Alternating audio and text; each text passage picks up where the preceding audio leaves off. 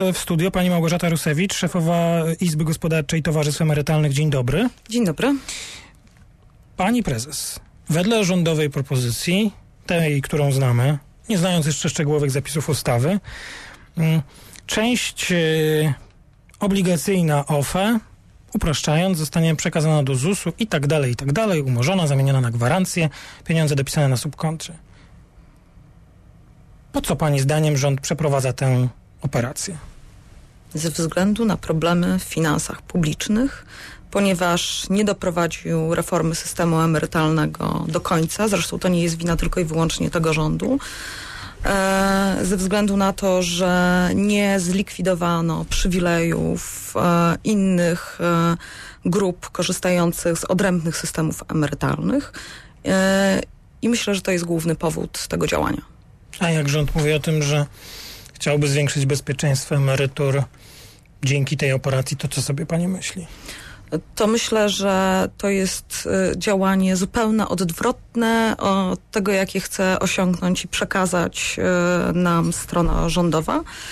Ja nie znam żadnych analiz, y, które pokazują, jakie będą konsekwencje wprowadzenia tych rozwiązań z punktu widzenia ubezpieczonych analiz, które przedstawił resort finansów czy resort pracy. Znam natomiast analizy różnych ekonomistów, którzy pokazują, jakie to będzie miało konsekwencje negatywne dla ubezpieczonych, ale też w długim okresie dla finansów publicznych. A ten rządowy przegląd emerytalny, emerytalny, który się pojawił, to nie jest ta odpowiedź? jak pan zajrzy do. Zajrzał? Jak pan zajrzał do tych trzech rekomendacji, tam są tylko zalety. Nie ma żadnych ryzyk, nie ma żadnej analizy pokazującej konsekwencji wprowadzenia ich w życie. Więc nie, nie ma tam żadnych analiz. No dobrze, no ale to proszę mi wy wyjaśnić, mi i nam wszystkim. Zostaje przeprowadzona ta operacja. Mhm. No i co się dzieje? Co znaczy, się zmienia w naszym życiu? E, co się zmienia w naszych przyszłych emeryturach?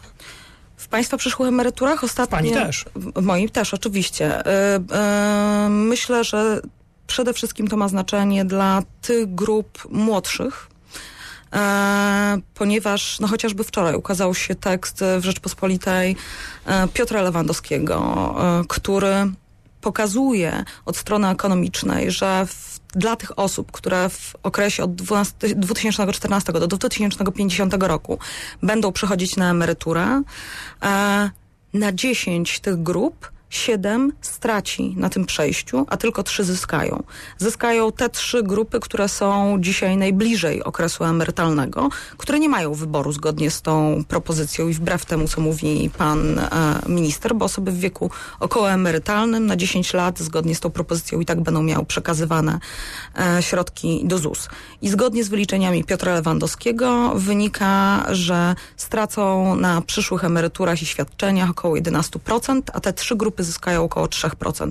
A proszę powiedzieć, jak już w OFE nie będzie obligacji Skarbu Państwa, a OFE będą musiały pomnażać te pieniądze, które będą na rynku, akcjach, e, obligacjach korporacyjnych, firm, to wywoła to większą konkurencję wśród funduszy? Trzeba będzie się bić na wynik? Ja myślę, że będzie dużym e, przede wszystkim wyzwaniem odpowiednie zarządzanie po to, żeby ograniczyć ryzyko inwestowania tylko i wyłącznie w akcje. E, jeżeli chodzi o bicie się o klientów, no to trudno tutaj mówić. Jest zakaz akwizycji w związku z no, tym... Ale będzie można pokazać wynik. Ja zrobiłem na tych akcjach lepszy wynik. Ale dzisiaj też są wyniki i też te mhm. wyniki są różne, tak? To nie jest tak, że te wyniki są od A do Z takie same dla wszystkich funduszy, więc ta konkurencyjność istnieje. No tak, ale ta konkurencja jest wewnątrz kwestia... jest słaba, pani prezes, umówmy się. Pośród funduszy, tak? Panie redaktorze, ale my nie mówimy e, od dzisiaj, że to trzeba było zmienić i że trzeba było mhm. zastosować inny benchmark, że trzeba dostosować opłaty do wyników e, poszczególnych e, funduszy emerytalnych. E, to, to nie są propozycje, które, o których dzisiaj, problemy, o których dzisiaj nagle zaczął myśleć rząd. Od 2005 roku Izba co, parę, co jakiś czas występowała z propozycjami zmian, które podzielał KNF, które podzielali posły, posłowie, tylko nic z tym się nie działo. Pani prezes, jak już e, rząd przeprowadzi tę operację i pieniądze będą, e, tych pieniędzy obligacyjnych w e, OFE nie będzie, to ta gwarancja emerytury z ZUS-u Pani zdaniem będzie większa czy mniejsza? Ale jaka gwarancja? No, nie, rząd państwa nie gwarantuje emerytur? No, znaczy to jest gwarancja polityczna. Tak? Aha. Dzisiaj słuchałam wypowiedzi pana ministra Cichonia, który mówił o tym, że waloryzacja w ZUS-ie jest tak wysoka i na pewno będzie. Ja bym chciała, żeby on się pod tym podpisał i żeby to zachować na przyszłe lata. Bo ja pamiętam, że niedawno waloryzacja w ZUS-ie nie była taka, jak miała być, a była tylko kwotowa. Czy pani uważa, że jak już te pieniądze z tych obligacji zostaną przesunięte do ZUS-u, zamienione na te gwarancje, to dla nas emerytów żadnej gwarancji nie ma, że one zostaną nam wypłacone? Rząd nie może dać gwarancji. Rząd może złożyć obietnicę państwu. No dobrze, a jeżeli rząd emituje obligacje, które dzisiaj mają OFE, no to umawia się przecież, że te obligacje też kiedyś wykupi. No to jak to jest? To tam gwarantuje, a tu nie gwarantuje tych obligacji? Nie no, ja rozumiem, że wykupi. Tak? No to ja rozumiem, że da tę gwarancję i da mi tę emeryturę. Nie, nie. Dlaczego to się nie? zamienia w zapis. Tak? Zresztą top minister panu tutaj, będąc w studiu, powiedział, że to, co dzisiaj jest w formule obligacji, zostanie zamienione w zapis na komputerze, na kartce papieru w ZUS-ie. No dobrze, a ta I obligacja tylko jest w będzie pan to miał. zapisem. I pan nie dostanie tych pieniędzy, pan dostanie emeryturę. Jaka jej będzie wysokość, to będzie zależało od przyszłych decyzji politycznych, od tego, na ile ZUS będzie stać na wypłatę przyszłych świadczeń emerytalnych, a te zmiany pokazują, że nie da się utrzymać waloryzacji na takim poziomie, ponieważ Fundusz Ubezpieczeń Społecznych się nie zbilansuje i trzeba będzie w przyszłości myśleć o tym najprawdopodobniej, jak zmienić mechanizm waloryzacji. I nie będzie tak hojny, jak dzisiaj to wszyscy obiecują. A doświadczenia innych krajów, nie wiem, proszę spojrzeć na Portugalię, Litwę, nawet Niemcy, które w 2010 roku w ogóle zamroziły waloryzację emerytur, pokazują, że rząd nie może dać gwarancji. No dobrze, a jak na przykład przyjdzie głęboki kolejny kryzys i giełda się zawali, to, to co pani później powie emerytom? Że ma dla nich część obligacyjną, którą gwarantuje państwo, tak? Ale my cały czas mówimy o tym, znaczy, bo ja nie wiem, o której pan sytuacji w tej chwili mówi, o tym, co teraz było, bo rzeczywiście był kryzys, natomiast jak patrzymy na 13 lat e, funkcjonowania otwartych funduszy emerytalnych, to one nie przyniosły strat dla swoich klientów. Ja One pani- przyniosły 84 miliardy zysku. Ja pani powiem, o czym mówię. Ja bym chciał dokładnie zrozumieć, dlaczego jest tak e, dziś zwolennicy reformy, zwolennicy stan, stanu obecnego, czyli ci, którzy, no powiedzmy umownie, są za OFE, tak? E, mówią, że należy system zostawić takim, jakim on jest, bo jest bezpieczny, bo jest zysk z różnorodności i tak dalej, i tak dalej. Chociaż OFE mają obligacje tego samego państwa, a jak tego państwa polskiego, a jak się przeniesie te obligacje do ZUS-u i powie się, że to samo państwo polskie gwarantuje te emerytury, to już dobrze nie jest. Chciałbym zrozumieć tę różnicę. Po pierwsze, jeżeli chodzi o obligacje, to nie jest decyzja tego, e, że OFE te obligacje chciało kupować. Pełna zgoda, pełna tak? zgoda, ale stan obecny. Mnie interesuje jeden do jednego stan obecny. obligacje można są. sprzedać, będą pieniądze. Można je zamienić na obligacje samorządowe, można je zamienić na obligacje korporacyjne, można je zamienić na akcje. To samo państwo będzie musiało je zrobić, tak? W tej chwili, jeżeli to zostanie przeniesione do ZUS, to ZUS nie będzie tego sprzedawać, tak? Będzie zapis na kartce. ZUS nie będzie mógł kupić akcji, ZUS nie będzie mógł kupić obligacji. Mhm. I było potrzebne, ja rozumiem z punktu widzenia państwa, to, żeby takie instytucje jak OFE mogły finansować i wykupywać obligacje Skarbu Państwa. Dzisiaj OFE tego nie będzie mogło robić, ale rozumiem, że 200 pa- miliardów w obligacjach Skarbu Państwa jest kupionych przez obce kraje. Przecież, y, y, przecież inwestorzy zagraniczni, jeżeli chodzi o polskie obligacje, mają zainwestowanych w nie 200 miliardów. No i co? No, nie, ja tylko mówię, że OFE nie będzie mogło kupować, tak? Ale ja rozumiem, że to nie będzie przeszkadzało temu, żeby inwestorzy zagraniczni kupowali polski dług. Yy, Ja rozumiem, że to też trzeba będzie obsługiwać. Chyba, że nie wiem, chyba, że rząd no zdecyduje, tak, ale że te potrzeby- obligacje ale zostaną... już mówiliśmy się, że potrzeby pożyczkowe będziemy mieli troszeczkę mniejsze. Przez jaki czas? No przez jaki? Węgry y, zastosowały y, manewr polegający również na przekazaniu środków y, z funduszy emerytalnych i przez dwa lata te wszystkie pieniądze przejadły. A OFE to są polscy inwestorzy? Właściciele są polscy? Częściowo polscy, częściowo zagraniczni. Czyli nie możemy się obrażać na zagranicę, bo OFE to Ale też... działamy pod polskimi przepisami, polskimi prawem. Podatki są płacone e, nie za granicę, ale są płacone w Polsce. Zatrudniamy polskich pracowników, a nie zagranicznych.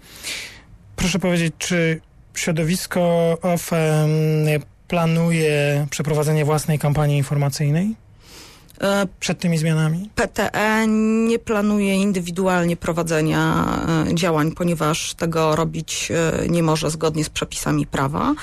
E, Izba Gospodarcza Towarzystw Emerytalnych e, nie planuje w najbliższym czasie robić e, tego typu działań. Chcielibyśmy się włączyć w tą kampanię informacyjną, która będzie realizowana e, przez rząd. Nie wiem, czy nam się to uda, słuchając dzisiejszego No, pan wypowiedzi pana powiedział, ministra. że ma nadzorować to KNF, ale właściwie chyba no, nie wykluczył, ale też nie potwierdził, że będziecie mogli wziąć w niej udział rzeczywiście. Więc e, no, to są jednak koszty. My nie jesteśmy tyle czasu na antenie, ile przedstawiciele rządu. No, na razie, trochę, pani, tak, na razie pani tak. jest trochę dłużej niż pan minister.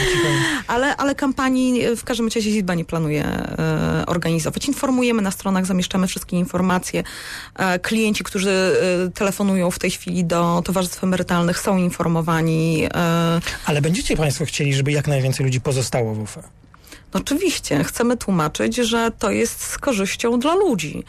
E, Chcemy, żeby mieli, jeżeli będzie konieczność takiego wyboru, nie bieg przez płotki, nie trzy miesiące na dokonanie tego wyboru, nie konieczność pójścia do ZUS-u, ale możliwość rzeczywiście przez długi okres zastanowienia się, przeanalizowania całej sytuacji. No dzisiaj słyszeliśmy tą wypowiedź pana ministra i no, nie wiem, jak zareagować i co powiedzieć, tak? Wcześniej mogliśmy powiedzieć, że e, zdecydujcie się zostać w OFE, popatrzcie, przyjrzyjcie się temu, jak to funkcjonuje, poczytajcie, sięgnijcie do jakichś e, Obserwujcie informacji.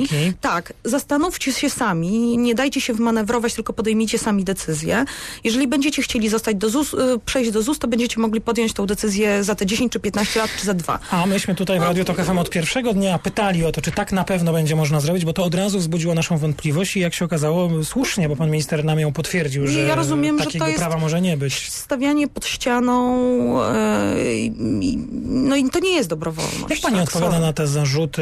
Tu się z panią zgadzam, absolutnie mieć prawo, by pozostać w OFE i na przykład za 10-15 lat w dowolnym dla siebie momencie móc ewentualnie zrezygnować z przekazywania tam dalszych nowych składek.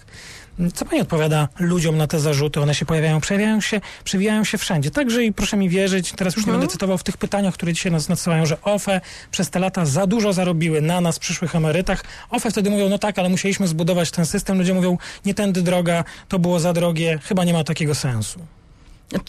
Tutaj nie ma wątpliwości. Ja um, chciałam wyraźnie powiedzieć, że my mówimy o tym, że system trzeba modernizować, że mówimy o tym, że trzeba zmienić zasady opłat I pobieranych przez towarzystwa emerytalne. My jesteśmy skłonni do kompromisów, tylko nikt z nami nie chce na ten temat rozmawiać.